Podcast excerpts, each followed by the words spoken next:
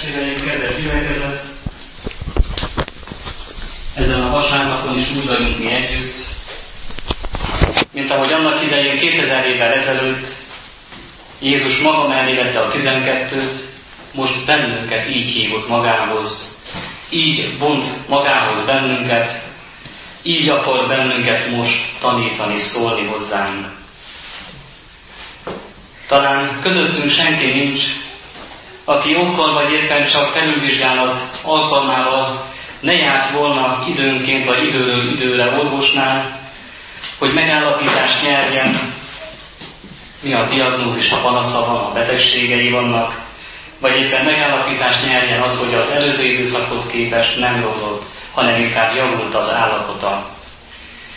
És mi, akik Jézus követőjének valljuk magunkat, a megszentelődés útján, ebben az órában, akiket magához hívott be az Úr, bennünket, engedjük, hogy megvizsgáljon, megvizsgálja az életünket, és ha esetleg van annak valamely betegsége, gyengesége, akkor ő gyógyítson, erősítsen, vagy éppen utat mutasson igéje által. Elolvasott igénk alapján két szempontból engedjük magunkat megvizsgálni. Az első is nagyon fontos, az Istenkép kérdése. Milyen Istenképünk van nekünk? És a második, nagyon fontos, az ige ismeret, az ige értés kérdése. Hogyan értelmezzük, hogyan értjük Istennek igényét? Először tehát beszéljünk elolvasott fényében az Istenkép kérdéséről, az Istenkép problémájáról. Elolvasott igényben azt olvastam, hogy Jézus már harmadik alkalommal, tehát nem először, hanem harmadik alkalommal szól az ő haláláról és feltámadásáról. És mégis úgy fejeződik be az igehely, ahogy hallottuk is, a tanítványok nem értették a mondottakat. Hogy lehet ez? Tehetjük fel a kérdést. Mi az igazi probléma, hogy nem értették a mondottakat? Jézus az ő anyanyelvükön beszélt, tehát nem volt az akadálya annak, hogy ne értsék. Akkor tegyük fel így a kérdést, hogy buták lettek volna? Nem. Esetleg nem ismerték volna az ószövetségi írásokat a tanítványok, akiknek mondja Jézus? Tudjuk, hogy ez sem igaz. Akkor tegyük fel másként a kérdést, mikor értették Jézust a tanítványai? Mikor értette Jézust a kór, amiben élt? Mikor értette őt az az ember, aki éppen hallotta őt? Csak akkor, amikor olyat tett, mondott, ami belefért az ő Jézus képükbe. Ahogy mi is, ha ismerőseinkkel találkozunk, és azt tapasztaljuk, hogy valaki olyat cselekszik, amit nem vártunk volna tőle, akkor azt is mondjuk, hogy én nem ezt vártam volna tőled. Nem gondoltam volna róla, hogy ezt teszed, vagy mondod a másikról. Tehát csak akkor értették a tanítványok és a kortársadalma Jézus, amikor olyat tett, ami belefért az ő Jézus képükbe, ami belefért az ő messiás képükbe. Mert hát akkor tegyük fel a kérdést, és menjünk tovább ezen a gondolatmenetem, hogy mikor értették Jézust, és mikor nem értették. Tegyük fel a kérdést, hogy hol van az 5000 ember, akiket Jézus megvendégelt és hallgatott, hallgat az ő ige hirdetését, hol vannak ők a nagy csütörtök éjjelén? Hol van a nagypénteki tömegben? Csak nem feszíts meget kiált. Csak nem félreismerték Jézust. Csak nem, nem fér bele az Isten képükbe a keresztre menő király, az Isten fia. Hol van a meggyógyított vak? Hol van a meggyógyított sánta? Csak nem feszíts meget kiált. Hol van az egy héttel korábban még újongó virágvasárnapi tömeg? Hol a csütörtökön? Csak nem csalódott Jézusban és ismerte őt.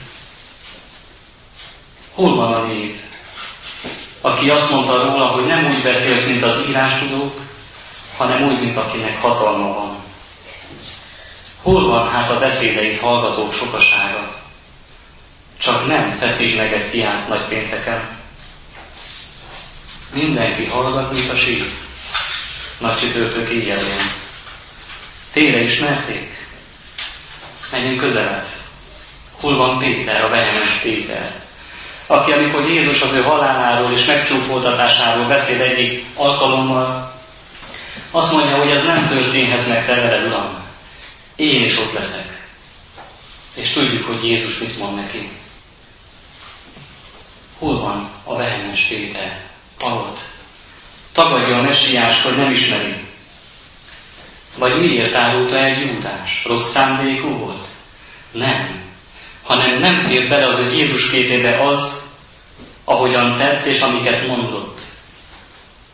Neki másfajta messiás kellett volna.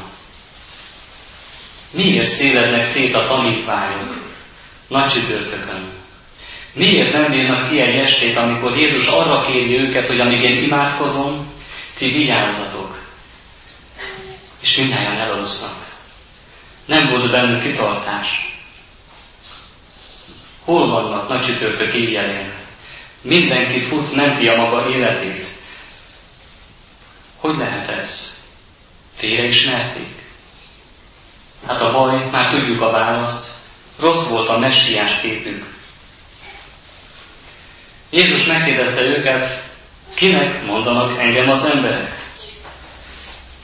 És érdekes a válasz, minnyáján azonnal tudják mondani, némelyek Illésnek, némelyek egyek a proféták közül, vagy éppen Jeremiásnak. És ha itt és most bennünket, Festérekúti gyülekezetet megkérdez Jézus, kinek mondanak engem az emberek, azonnal tudjuk mondani a választ. Mondhatjuk azt, amit talán mondanak mások, nagy tanítónak, egyházalapítónak, híres embernek, hát mégiscsak van Krisztus előtt is után, tehát az időszámítás meghatározza, hatalmas rétor lehetett, csodatévő, jó egyházpolitikus, talán csodagyerek, vagy egy zseni, nagy gyógyító, vagy éppen lázadó, aki szembeszállt a korabeli rómaiakkal, és emiatt keresztre feszítették. Kinek mondanak ma az emberek? Erre a kérdésre nagyon könnyű válaszolni. Azonnal tudjuk mondani a listát. Mert tudjuk, hogy a világnak mi a Jézus képe, mi a messiás képe. Valahogy úgy van ez, mint ahogy az egyik munkahelyemen tapasztaltam még diákként, hogy az egyik munkatárs tudta rólam azt, hogy én teológiára járok, mondta nekem, tudod Zsolt, én hiszek Buthában is, meg a Józsban is, meg elmegyek a kártyavetőhöz is, és egy kicsit Jézusban is. Aztán amelyiknek igaza lesz, azzal lesz szerencsém. Kinek mondanak engem az emberek?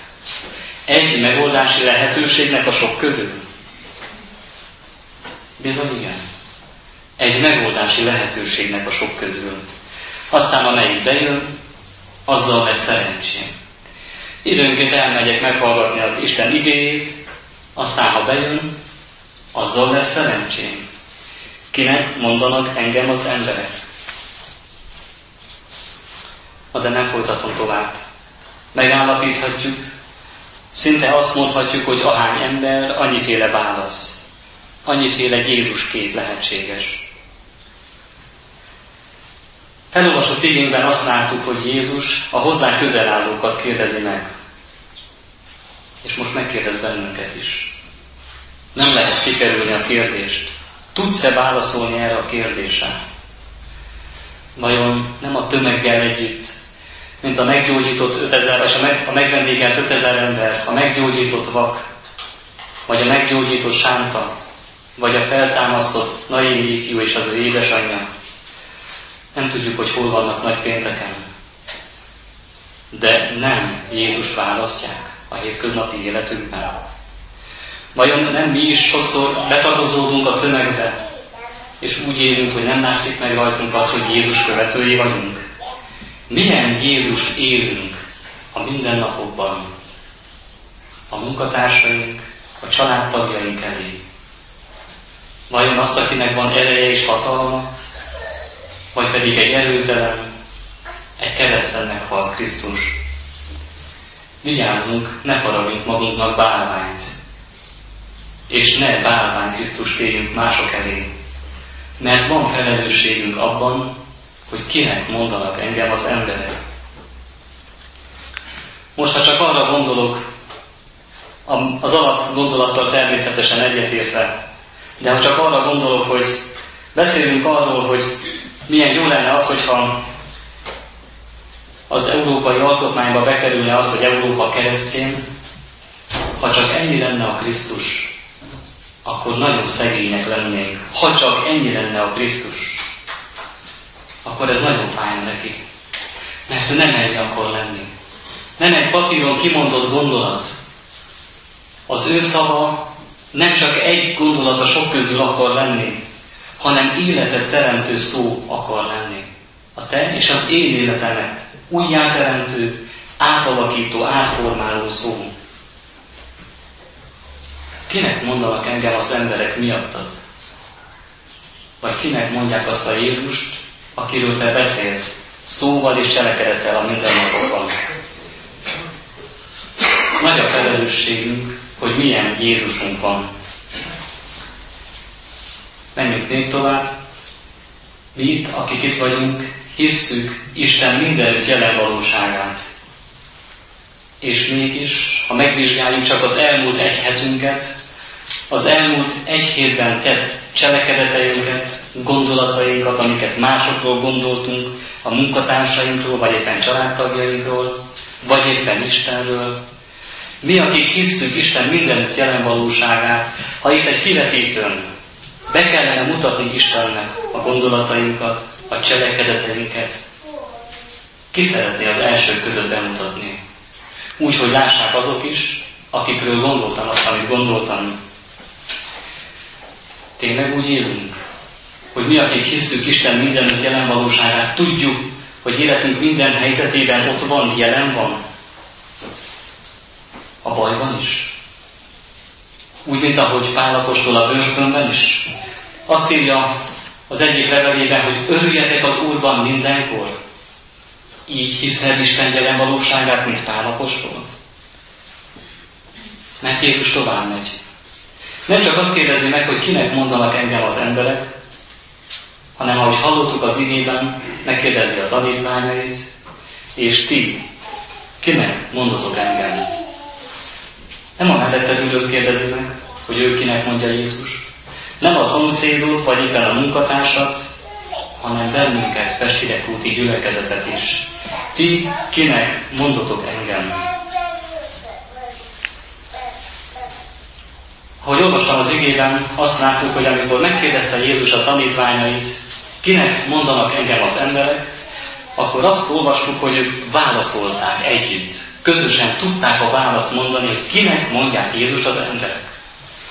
És amikor megkérdezi a tanítványot, és ti kinek mondotok engem, akkor nem azt látjuk, hogy ők azonnal válaszolnak, mert nehéz erre a kérdésre válaszolni.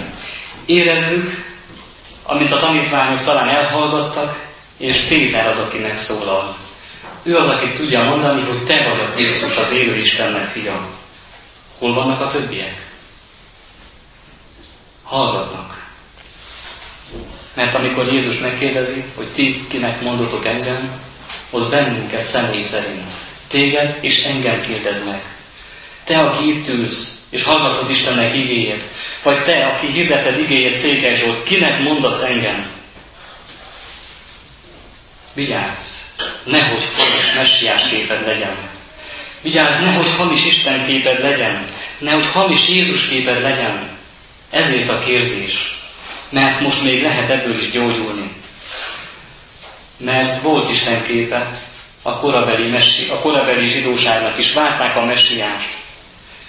Ők olyan messiást vártak, akiről azt gondolták, hogy majd eljön nagy hatalommal és dicsőséggel, és helyre állítja Dávid régi trónját. Lerázza a római uralmat, szabadságot és jólétet hoz nekik kellett volna nekik is egy messiás. Egy ilyen messiás. Amikor imádkozunk, amikor imádságban kéréseinket tárgyunk Isten elé, milyen urat szólítunk meg? Nehogy csak egy olyat, aki erre a világra elegendő hatalommal bír, aki erre a világra szükséges dolgok beszerzésében ad nekünk erőt és segítséget, hanem olyannal, aki örök élettel is tud ajándékozni bennünket.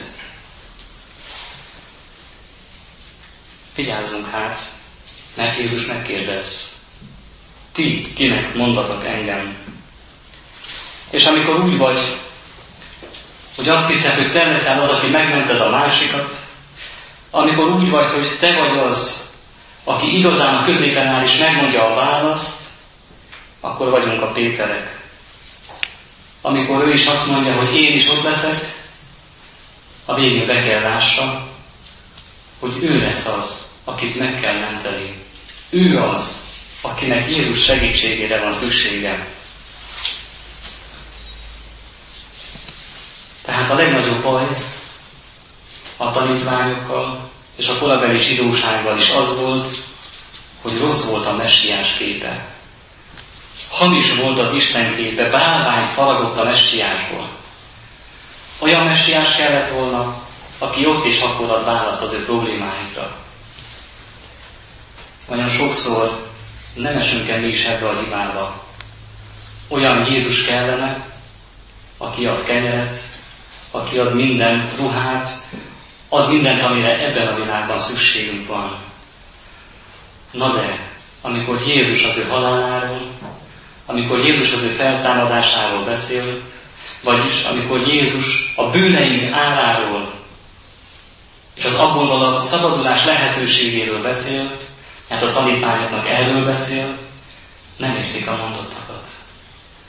Kell nekünk olyan Jézus, aki beszél a bűneinkről, beszél a gyógyulás lehetőségéről, és beszél az örök életről. Milyen Jézus kell nekünk? Milyen Istenkép az, ami benned van? Engedd, hogy megvizsgáltassék Isten igéje, Isten igéje fényében. Mert amikor Jézus arról beszél, hogy megostorozzák, amikor arról beszél, hogy leköpik, megcsúfolják és majd megölik, de ő harmadnapon feltámad, akkor lényegében egy hatalmas cseréről beszél. Arról beszél, hogy ő értünk fog meghalni, hogy elvegye a bűn átkát, akkor ő azért fog meghalni, hogy a bűn minden szégyenét és nyomorúságát átvegye, elvegye az adósságainkat, mindazt, ami rabságban tart, hogy megszabadított örömében mehessünk tovább. Ezt nem értették a tanítványok. Nem értették, mert más Jézusra vágytak. Más messiásra vágytak. Jézus itt egy nagyon fontos kérdésről beszél. Egy új kezdetről beszél, egy hatalmas lehetőségről az övéinek. Milyen jó, hogy később megértették a mondottakat. Te hol tartasz ezen az úton? Érted-e a mondottakat, amit ő mond? Nehogy úgy járj, hogy te is azt mondd, mint a felvilágosult ember, hogy én szabad akarok lenni, ura az én életemnek és gazdája és tulajdona, én már felnőttem és tudok gondoskodni magamról, tudom, hogy hol a felelősségem határa. Nem. Jézus azt mondja, beteljesedik minden, amit a próféták megírtak. Tudod-e azt mondani, hogy nem magamé, hanem a Jézus Krisztus tulajdona vagyok.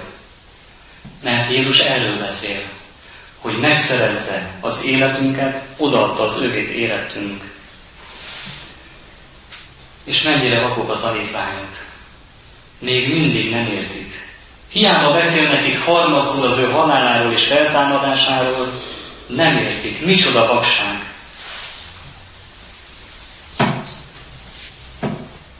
Akkor most az a kérdés, hogyan lehet meglátni, megtudni, hogy milyen a helyes Istenkép. Hogyan lehet rajtam segíteni, ha hamis az Istenképen? Ki tud rajtam segíteni, ha valóban nincs helyes Istenképre lehetőség? Van-e valamilyen megoldás? A jó hír az, hogy van. Kálvin János azt mondja, hogy a bűneses során az Istenkép teljesen tönkrement, felismerhetetlenül tönkre tettük azt. És azt is mondja, hogy ezt nem lehet helyreállítani. Helyre állíthatatlanul összetört, saját erőnkből nem tudunk helyes Istenképet létrehozni. Szükség van hát segítségre. Szükség van hát valakire, aki megmutatja, aki megmondja, aki ebben segít rajtunk. Kívülről lehet rajtunk segíteni. És tudjátok, hogy hol találjuk? Hová kell néznünk? Jézussal. Ő a helyreállított Istennek képe. Ő az, akit követve kell nekünk a megszentelődés útján egyre inkább hozzá hasonlóvá formáltatni. Ő a helyreállított, ő a tökéletes Istenkép. Amikor a fiúra nézel, akkor azt látod, hogy milyen az igazi Istenkép. Mert a megszentelődés útján, aki Jézus követőjének vallja magát, a Krisztus követő ember, a keresztény ember, ha annak valljuk magunkat, egy nagy programban vesz részt. Ahogy azt a Heidelbergi Káté is megfogalmazza, az óember megöldöklése, a hamis istenképen megöldöklése és az új ember megelevenítése. Ebben a programban dolgozol-e már? Látod-e a helyreállítót, a tökéletes Istenképet? Látod-e magad előtt a Krisztust? Vagy még magaddal vagy elfoglalva? Mert az igazi probléma az volt a tanítványokkal is, hogy magukkal voltak elfoglalva és nem Jézusra néztek. Nem értették a mondottakat. Mert amikor leveszünk róla a szemünket, akkor vagyunk tévúton, ha megyünk tovább. Ugyanígy van az Istenkép kérdésére is. Ezért hát hangzik a figyelmeztetés, ne csinálj magadnak faragott képet. Figyelmeztet az Úr. Másodszor egy picit összefügg az egyik a másik ponttal, tehát az Istenkép az ige értés kérdésével, mert ha helytelenül értjük Istennek igéjét, akkor nyilván Isten képünk is hamis lesz. Azt olvasunk, hogy Jézus harmadszor szól az ő haláláról és feltámadásáról, de egyúttal hivatkozik arra, hogy mindaz fog történni, amit korábban a proféták megírtak. Tehát beteljesedik mindaz, amit korábban Isten kijelentett. Nem azt mondta Jézus, hogy valami új dolog fog történni. Valami olyan új, amit senki sem hallott. Amit előre meg nem mondott volna az ő atya. Tehát ismerték az igéket. Ismerték és tudták az ószövetségi írásokat. Ma úgy mondhatjuk, hogy ismerték a Bibliát. Nem azt mondta, hogy valami új dolog fog történni, hanem csak az fog beteljesedni, amit előre kijelentett az Isten, és nem értik a mondottakat. Nem értették, mert volt nekik egy saját elképzelésük Istenről, és ahhoz ragaszkodtak. Értették, tudták ők az írásokat, talán közöttünk is vagyunk sokan, akik nagyon sok ószövetségi és újszövetségi igehelyet tudunk fejből mondani ki 20 ki 50 ki 200 és még tovább. És jó az, hogyha tudunk ilyen igéket fejből mondani. De ez nem elég. Mennyire válik az életnek beszédége az életünkben, a mindennapjainkban. Beszéltem itt arról, hogy hiszünk Isten mindenütt jelen valóságát, és mégis úgy élünk, mintha nem lenne életünk minden helyzetében jelen.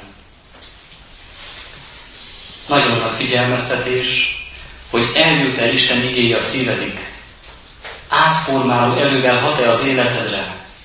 Valóban átformáló, mint a soha, hogy átjárja az ételt és megízesíti. Vagy pedig érted, tudod, de nincs rá hatással. Amikor úgy érzed, hogy egyedül vagy, akkor mindenki elhagyott. Nincs akinek elmondani a panaszodat, vagy ha elmondanád a bánatodat, akkor lehet, hogy azzal visszajönne. Amikor úgy érzed, hogy nincs senki melletted, tudod-e azt? Érzed-e annak bizonyosságát, hogy Jézus megmondta, én ti veletek vagyok minden napon, nem csak a tegnap, hanem minden napon, a világ végezetéig. Tényleg érzed ennek a bizonyosságát és biztonságát? Vagy amikor úgy érzed, hogy minden összeomlott, minden ellened akar összeállni, mindezek fölött látod-e őt hatalmas Istennek, aki úgy jelentette ki magát neked is, hogy nekem adatot minden hatalom menjen és földön. Tényleg elhiszed? Amikor a mindennapi dolgainkban kell különféle dolgokat elintézni, olyan sokszor, olyan magától értetődőnek tűnik minden. És ott van-e benned a hit, amely nem a saját magad lehetőségeivel, hanem az ő lehetőségeivel számol. Milyen a mi igeértésünk? Nem úgy van az, hogy tudjuk, ismerjük, talán kívülről mondjuk is az igéket. Ha másnak tanácsot kell adni, akkor az nagyon könnyen megy. Mint ahogy megkérdezték a tanítványokat Jézus, hogy kinek mondanak engem az emberek, azonnal megy egy harmadik félnek. Na de te tudsz-e vallani, hogy kinek vallod őt? Személyesen te, aki hallod most az igét és én, tudunk-e azonnal vallani? Vagy pedig arra kérünk meg egy harmadik szemét, hogy légy szíves válaszolj. Nehogy úgy járunk, mint a tanítványok, hogy hallgatnak. Olyan jó az, hogy tudunk azonnal vallani, mert csak a megérintett ember tud személyesen vallani Jézusról. Hogy megyünk mi tovább? Ilyen megérintett emberként? Ti kinek mondatok engem? Hogy értitek az én szavamat? Eljut-e a szívedekig? Átformálja-e azt? Azt mondja Isten igéje, hogy a lélek gyümölcse pedig szeretet, öröm, békesség, türelem, szívesség, jóság, hűség, szelítség, mértékletesség. Ha közünk van Istenhez, ezt tereljük el a hétköznapokban. Csak az elmúlt egy hétben hányszor teremtett, teremtük a szeretetlenséget, az elfordulást a másiktól. Ó, de hányszor keseredtünk mi magunk is, és nem volt ott az öröm. Vagy éppen nem csak, hogy nem volt békesség bennünk, hanem inkább okoztuk a békétlenséget. Vagy milyen sokszor vagyunk türelmetlenek, és nem mondom tovább. Ha megállunk Isten igényének fényében, akkor bizony azt kell mondanunk, hogy értjük, tudjuk, hogy mi a lélek gyümölcse, de még nem érzük egészen úgy, még nem adtam át teljesen mindent az életemből, és amíg ez így van, addig az Isten képem is hamis lesz. Mert ez a kettő összefügg. Hogyan érted hát Isten igényét? Engedd, hogy ő jelentse ki magát neked. Megérintett emberé kell lennünk ahhoz, hogy helyreálljon az Isten képünk és Jézusra tekintsünk, és személyesen nekem szólóvá kell engedni, hogy szóljon az ige.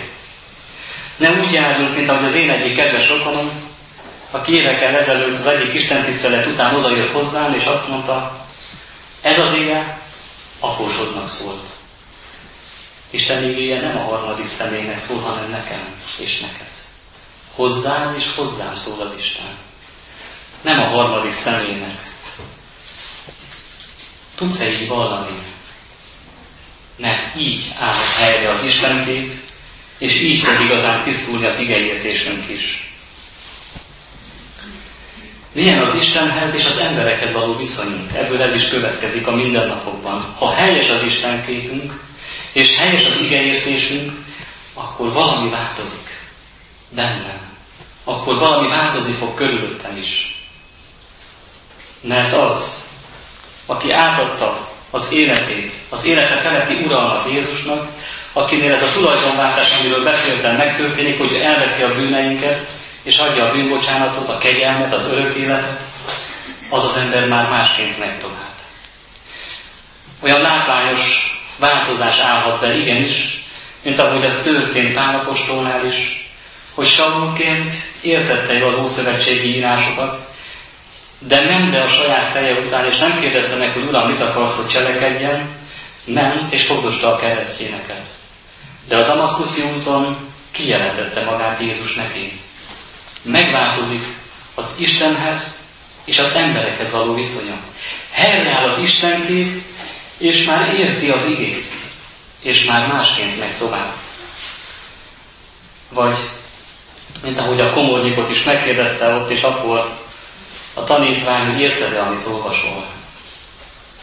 Engedjük magunkat így is megvizsgálni Isten előtt, hogy megváltozzon az Istenképünk, és helyreálljon az emberekkel való viszonyunk is.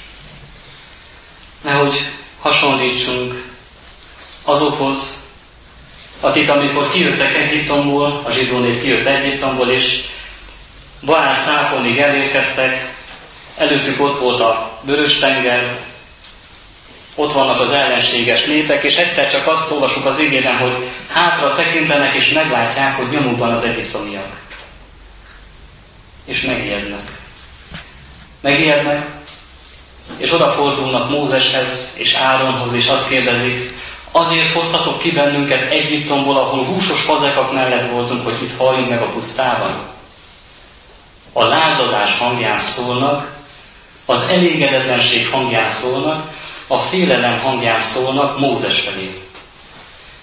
És ugyanebben a szakaszban, tehát Mózes második könyve 13. részében pedig azt is olvassuk, hogy ugyanez a nép az imádság hangján szól Istenhez.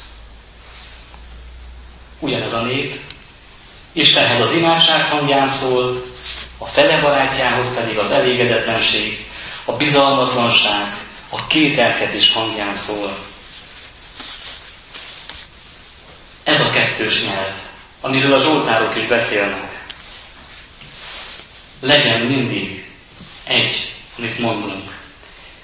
Kedves testvéreim, amennyiben elvárik az Istennek mondott gondolat, amit mond a imádságban, és ez nem látszik meg a mindennapi életedben, akkor még hamis az Isten képünk. Addig, ameddig nem Isten igéje az, ami valóban áthatja az életünket, és értjük azt helyesen, amíg nem engedjük, hogy átformálja az életünket, addig hamis az Isten képünk. Mert hát milyen az ember útja hazafelé menet az Isten tiszteletről? Van egy testvérpár, akik úton vannak hazafelé, azt megelőzően áldozatot mutattak be az Istennek. Káin és Ábelre gondolok. Bemutatják az áldozatot, Káin még figyelmeztetést is kap az Istentől. Vigyázz, a bűn az ajtó előtt leselkedik, és rád van vágyódása. De te uralkodjál rajta. Káin hallotta, tudta, hogy mit mondott az Isten, mert hát le is iratott. Figyelmeztette őt időben. És mi történik? Elfogja az irítség, elfogja az a fajta érzés, hogy hogy lehet az, hogy a kisebbik testét áldozatát inkább elfogadja az Isten, mondhatjuk úgy is, az Isten tiszteletről hazafelé menet, Káin és Ábel, a két testvér megy az úton, és gyilkossággal végződik. Káin megölte Ábelt. Pedig Káin hallotta azt megelőzően Isten szavát. Testvéreim, nagyon nagy a figyelmeztetés. Hogyan érted, ha meghallottad, engedte az Isten szavának. Nehogy úgy járjunk, mint Káin, hogy Isten szól, és ezzel együtt arrahány bósa, ha szabad ilyet mondani, nem engedjük, hogy valóban megváltoztassa az életünket, mert ha Káin engedett volna, akkor nem úgy érződött volna az, az Isten tisztelet. Az Isten tiszteletről hazafelé menet, bizony milyen sokszor vagyunk mi is türelmetlenek a másikkal, milyen sokszor vagyunk szeretetlenek, milyen sokszor nem terelik a lélek gyümölcsét, Engedjük, hogy Isten igéje ne csak egy szó legyen a sok között, amit hallunk, hanem valóban tudjuk is vallani, hogy életnek beszéde az. Mert akik kinyitják az ő füleiket, és hallgatnak az ő szavára, a jó pásztor szavára, és követik őt, azok bizony nem fognak, nem fogják bedugni az ő füleiket, amikor engedelmeskedni kell, amikor segíteni kell, amikor oda kell fordulni a másik felé. Mi hát a titok, hogy jól működjön a keresztény életünk? Nagyon sok példát hozhatnék, de hát otthon vár a megfőzött ebéd, ha még úgy érzed, hogy az Isten képedbe sok minden nem fér bele, a Jézus képedbe sok minden nem fér bele, gondolj csak Tamás példájára. Mondják neki a tanítványok, hogy láttuk az Urat. És úgy olvasjuk az igében, hogy Tamás megfogalmazza a kételkedését, nem hiszem.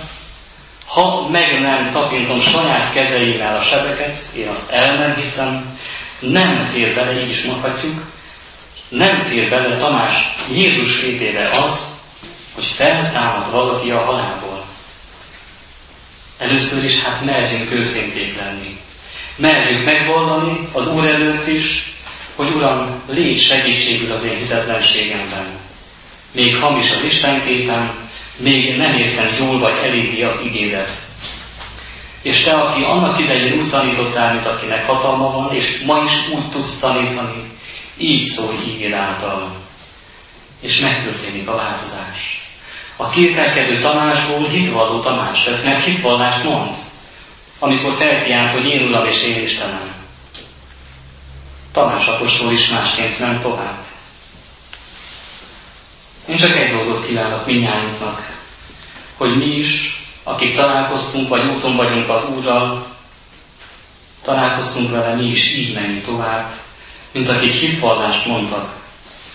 És azt kívánom, hogy mindaz a szolgálat, amit Jézus életünk végzett, mert erről beszél az ő halálában és feltámadásáról, ezek a jegyek, amelyek az úrvacsorában is előttünk vannak, és személyesen veszük magunkhoz, ezek legyenek a mindennapokban is erőforrás a mi számunkra, hogy a feltámadt Úr Jézus valóban, akinek adatott minden hatalom menjen és földön, és elhívott az ő szolgálatára, méghozzá arra, hogy tanítványát tegyünk minden népeket, váltsunk az ő kezében eszközé, az ő kezében hangszeré arra, hogy rajtunk keresztül tovább adassék az evangélium, mind többeknek és többeknek, hogy nekünk, és mindazoknak, akikhez eljut az ő szava, rajtunk keresztül is örök élete lehessen.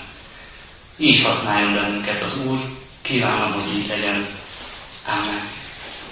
どうぞ。